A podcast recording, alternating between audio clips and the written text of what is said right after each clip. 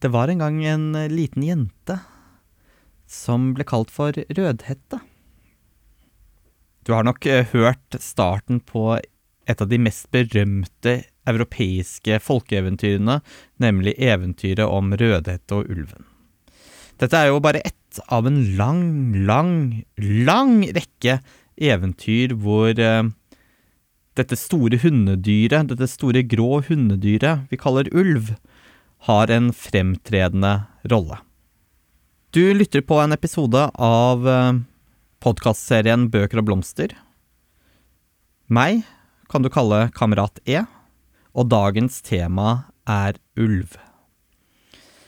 Og det blir jo ikke feil å si at ulv kanskje er et av de dyrene som i størst mulig grad, i hvert fall i vår nordeuropeiske kontekst, får fram relasjonen mellom dyr og menneske på godt og på vondt, tydeligere og tydeligst av alle.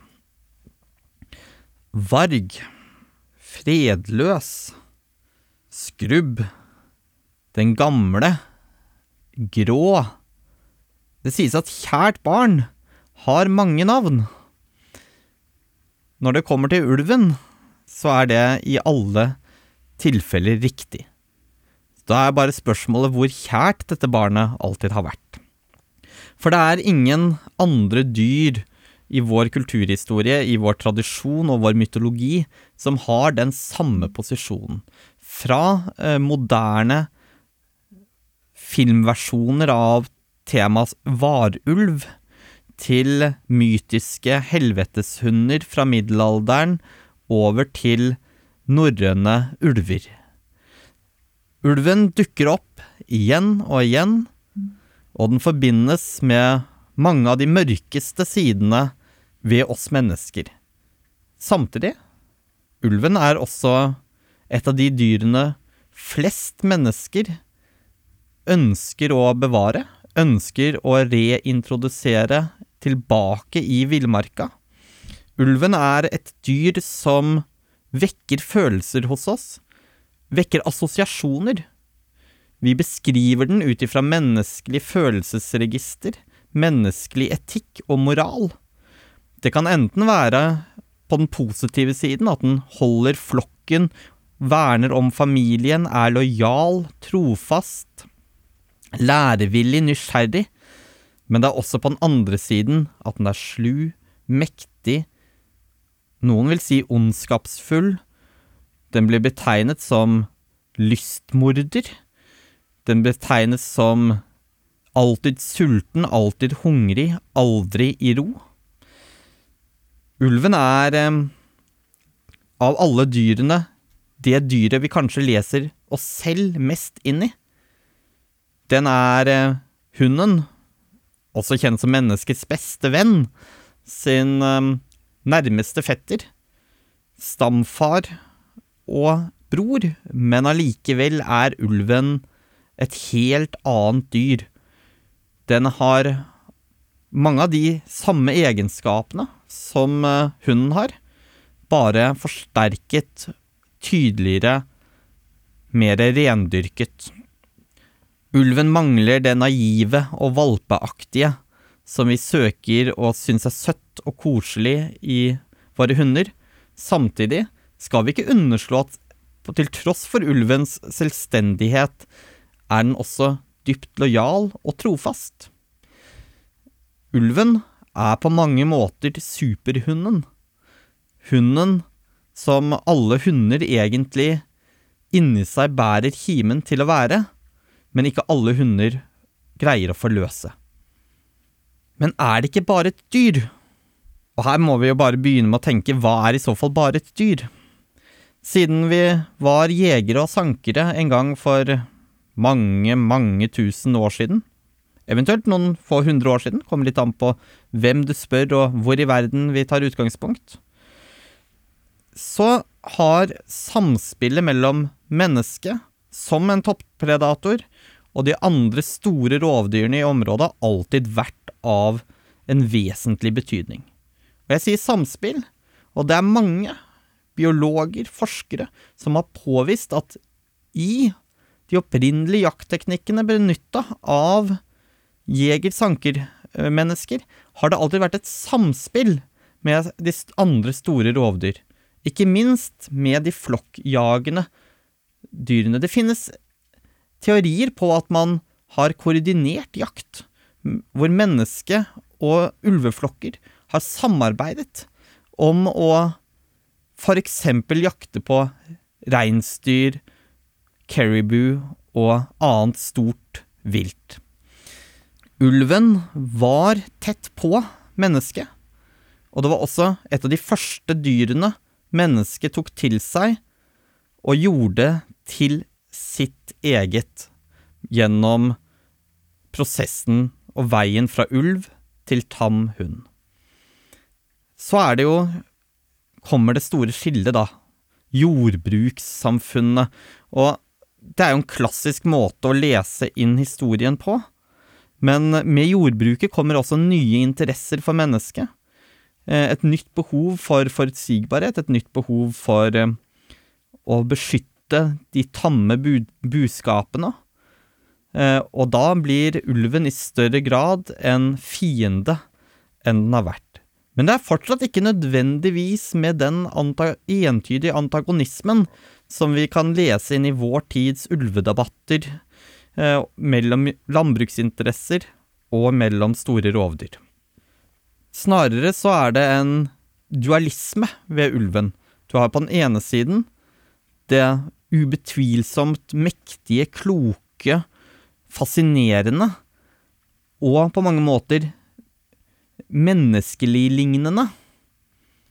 Og på en annen side har du den frykten, det dyriske, det preget av en natur som på et eller annet vis er i et tosidig avhengighets- og trusselforhold til den nye landbruksdrevne kulturen.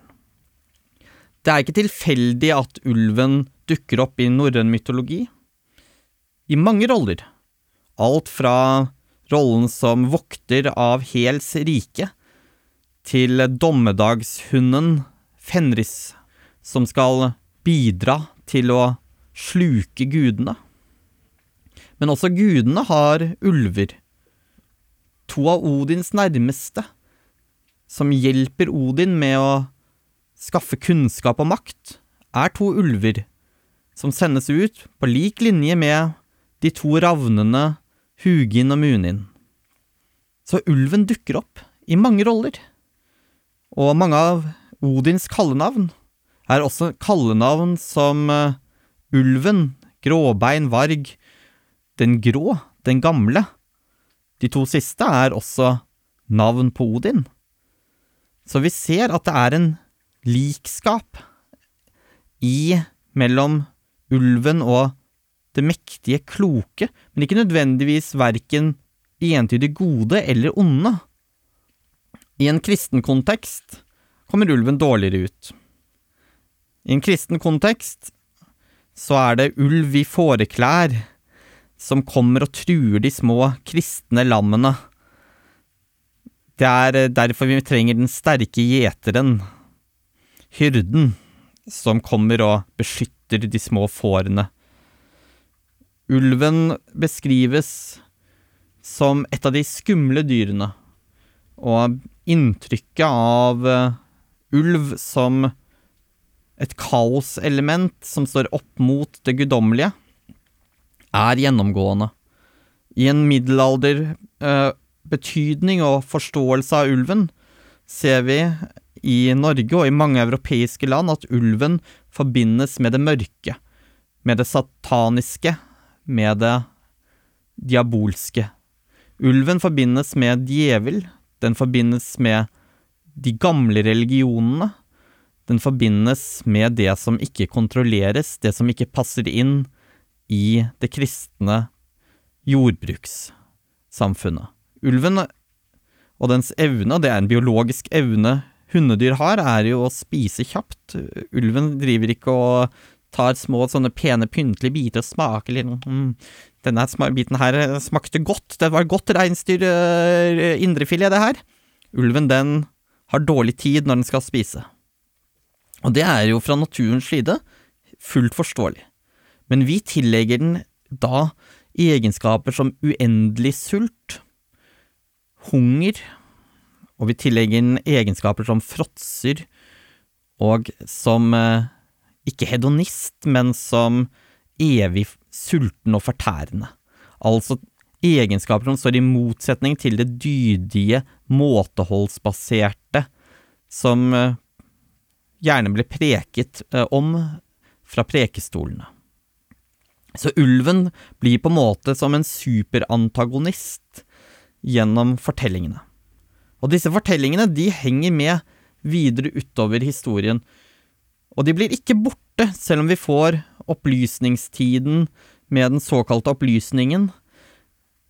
Snarere tvert imot ser vi at nettopp i denne perioden, hvor vi går mellom opplysningstid og moderne tid, til tross for eh, romantikken og nasjonalromantikkens gjennombrudd, at ulven kanskje aldri har vært mer jaktet på, ja, forsøkt utryddet, og utryddet i store områder, som nettopp ut på 1700-1800-tallet.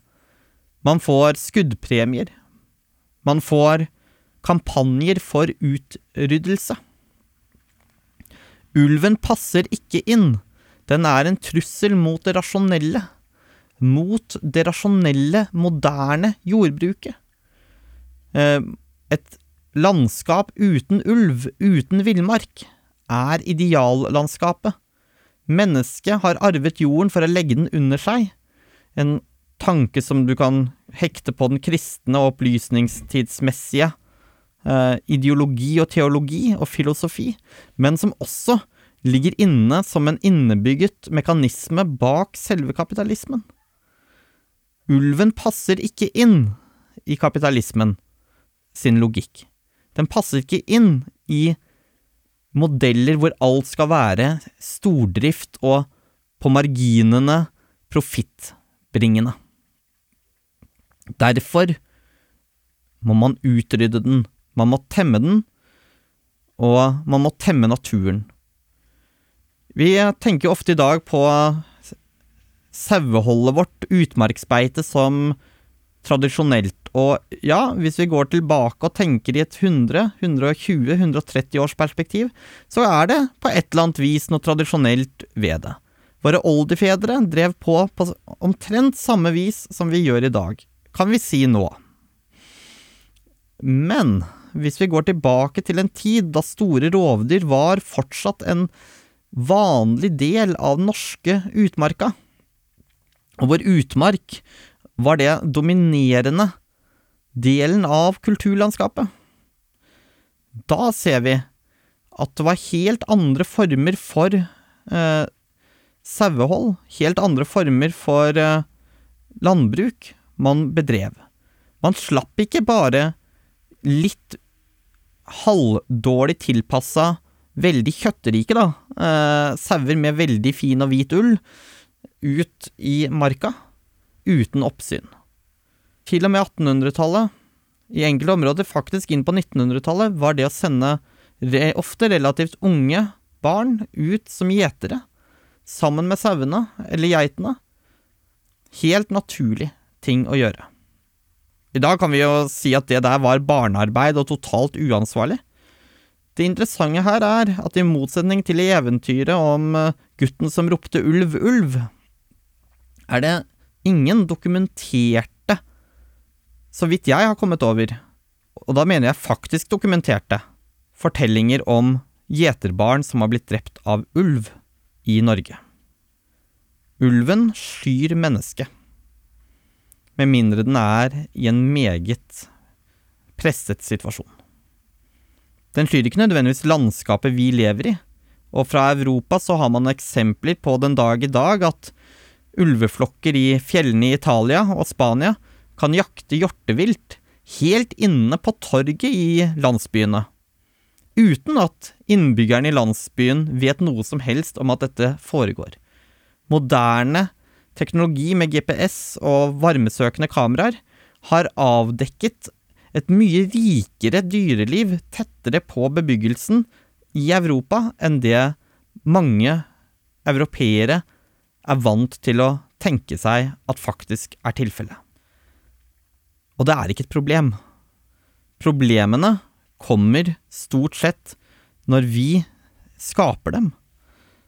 Sånn som når vi har på mange måter økologisk og landbruksmessig malt oss inn i et hjørne, basert på en forestilling om en utnyttelsesgrad av eh, ressursene rundt oss som kanskje ikke er realistisk med tanke på naturens biologiske bærekraft og bæreevne.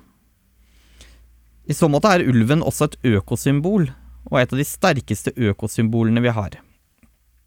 Ulv vekker følelser. Det vet jeg godt.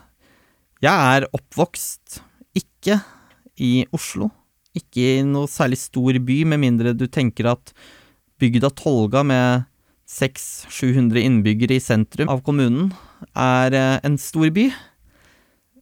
Jeg tror ingen som har vært på Tolga, vil tenke seg Tolga som et urbant miljø.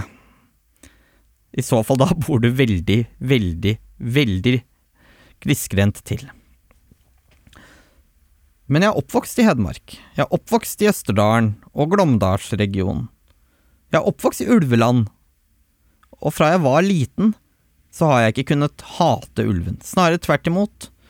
Jeg har én stor drøm, og det er å møte dette fascinerende dyret ute i villmarka der den hører hjemme. Og jeg håper en dag at det vil være mulig. For ulven fascinerer meg, og det er med god grunn. For den er en toppredator, et mektig dyr selvfølgelig, men det er også et dyr som opprettholder og skaper balanse i økosystemene. Det er vanskelig å forestille seg et balansert økosystem uten også å ha en toppredator. Det vil i så fall være et sånt rent sånn Disney-univers, hvor alle dyrene i teorien skal være snille med hverandre, som igjen er et uh, menneskelig produkt av vårt egen imaginasjon over samfunnet. Ulven, den er um, med på å beskatte hjorteviltbestanden på en mye mer fornuftig måte enn det vi mennesker er. Forskning eh, antyder, fra annet USA, men også fra mer hjemlige trakter i Europa og Russland, at områder med mye ulv har mye sunnere hjorteviltbestand. Fordi at det er de syke, gamle, svake individene som stort sett blir eh, tatt av ulv under jakt. Det er sjelden de reproduktive individene som tas. Ulven, i motsetning til hva mange myter sier, vil veldig sjelden spise seg helt ut av et område. I hvert fall hvis dette området ikke samtidig er hardt beskattet av menneskelig jakt, eller at menneskelige inngrep i naturen har ødelagt områdene slik at territoriestørrelsen ikke er tilstrekkelig. Det man ser, er at spesielt hjortevilt, når bestandene blir for store, er en belastning på økosystemene, for hjortevilt kan spise seg ut av sitt eget matfat. De spiser trær, de spiser planter på et sånt vis at det kan bidra til å skade naturen rundt seg. I tillegg har man oppblomstring av forskjellige sykdommer som påfører enorm lidelse for de enkelte individuelle dyr, men også utsetter hele populasjonen for et enormt press. Dette er ting som vi i liten grad med vår jakt, og spesielt når målet er kjøttfylte biffer og flotte trofégevirer tar hensyn til. Vi kan si så mye vi vil at vi prøver å plukke ut de dyra som er i dårligst hold, men det er svært sjelden den tanken som sitter i hodet på en menneskelig jeger. Stikk motsatt her av hvordan en ulveflokk på et kollektivt nivå bidrar til å holde naturen ved like. Det har også vært tydelige tegn fra USA, hvor i store deler av de sørlige statene, dvs. Si statene sør for området som kalles Canada. Som på mange måter også hadde den samme politikken som i Norge, hvor ulven skulle utryddes. Området hvor ulven har kommet tilbake, sånn som i Yellowstone, har det også medført at andre arter som bever har eh, fått et nytt terreng å beite i, og som har igjen bidratt til å endre landskapet og gi grobunn for mange flere arter som da kan leve i de biotopene som da åpner seg opp som følge av at det store viltet, og da primært hjorteviltet, men også i Yellowstones tilfelle bison, må hele tiden være på, jakt, på vakt av faren for predasjon fra ulv. I tillegg ser vi at ulv eh, også eh, utøver et press på andre, mindre rovdyr, sånn som rev og mink og grevling og Så kan man si hva er betydningen for det? Jo, det har en betydning på de mindre dyra i skogen. På ekorn, på gnagere generelt. Som igjen har en betydning for hele økosystemet og hvordan økosystemet fungerer. Hvis man tenker seg litt om, så må man jo se at det er ikke nødvendigvis ulven som er et fremmedelement i norsk natur. Det er et helt annen toppredator som er det fremmedelementet i naturen. Og det er det administrerende menneske som tror at vi har en gudegitt gave til å bringe fornuft inn i naturen og verden rundt oss. I så måte så er ulven et stort og viktig økosymbol, og et av de økosymbolene som i størst mulig grad har på en måte blitt løftet fram i den, spesielt den vesteuropeiske og amerikanske kontekst. Ulven har blitt det nye totemdyret for økobevegelsen, symbolet på rewilding, symbolet på at vi er i ferd med, etter hundreder av år med fornektelse, og igjen lytte til signalene fra naturen rundt oss. Det er mange som har skrevet bøker om ulv. Alt annet ville jo være helt meningsløst å ikke skrive om et så fascinerende og vakkert og flott dyr. Ja, ja, jeg er ulveelsker, og det Det får du ikke tatt fra meg. Men det er mange perspektiver du kan ta inn når du skal skrive om ulv. Du kan skrive strengt om biologi. Eller du kan skrive om ulven som et rent abstrakt litterært fenomen.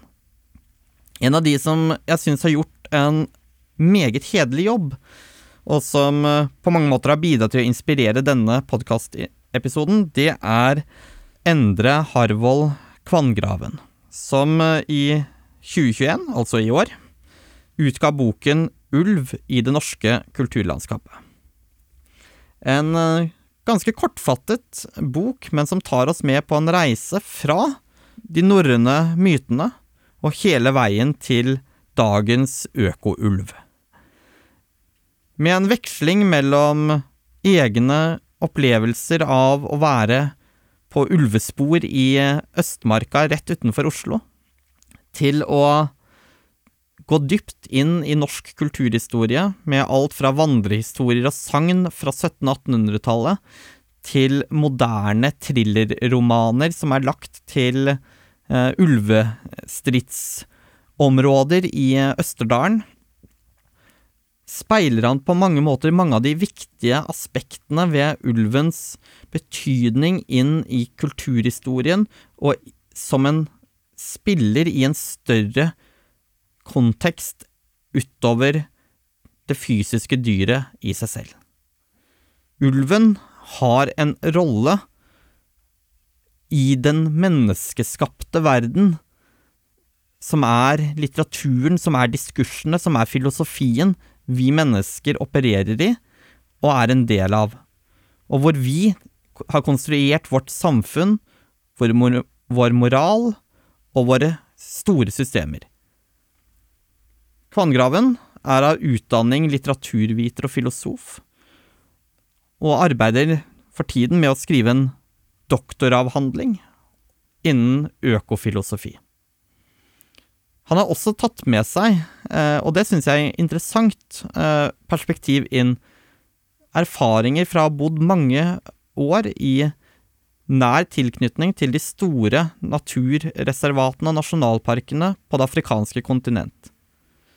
Og han har et godt og tankevekkende eksempel når han trekker fram hva ville for eksempel Serengeti ha vært uten løver og leoparder. Her i Norge tenker vi nasjonalparker, skriver han, som noe som er bare plassert der eh, for å bevare vår idé om kulturlandskapet. Det er arenaer for jakt og beitebruk, og i høyden beskytter vi det, dette området, kanskje mot vannkraftutbygginger og høyspentledninger. Her vil jeg da bare tilføye at dette er et veldig kanskje at vi beskytter det, for hvis pengeinteressene er store nok, så er det lite som eh, Eller skal det mye til i Norge for å ikke faktisk stoppe pengeinteressene. Men store rovdyr og et intakt økosystem er ikke nødvendigvis det vi tenker i nasjonalparkene våre. Det er svært få av våre nasjonalparkområder i Skandinavia, og i hvert fall i Norge, som er jaktfrie soner, hvor mennesket ikke jakter på andre dyr. Det er svært få av nasjonalparkene våre hvor vi har latt økosystemene være intakte, og ser hva som skjer. Vi har noen naturreservater, men de er ofte små, bare ofte noen få kvadratkilometer, og er mer for å verne enkelte planter, trær, sopp, lav, moser, biller, insekter, små ting. Sted, trær er jo ikke så små, da, men, eh, men sammenlignet med et komplett økosystem er det få. Og Kvanngraven tror jeg er inne på noe veldig viktig når han utfordrer mange av de forestillingene vi har, men også går, prøver å gå i dybden og se hva er det som egentlig ligger bak? Hvilken kulturhistorie, hvilken arv er det vi har med oss?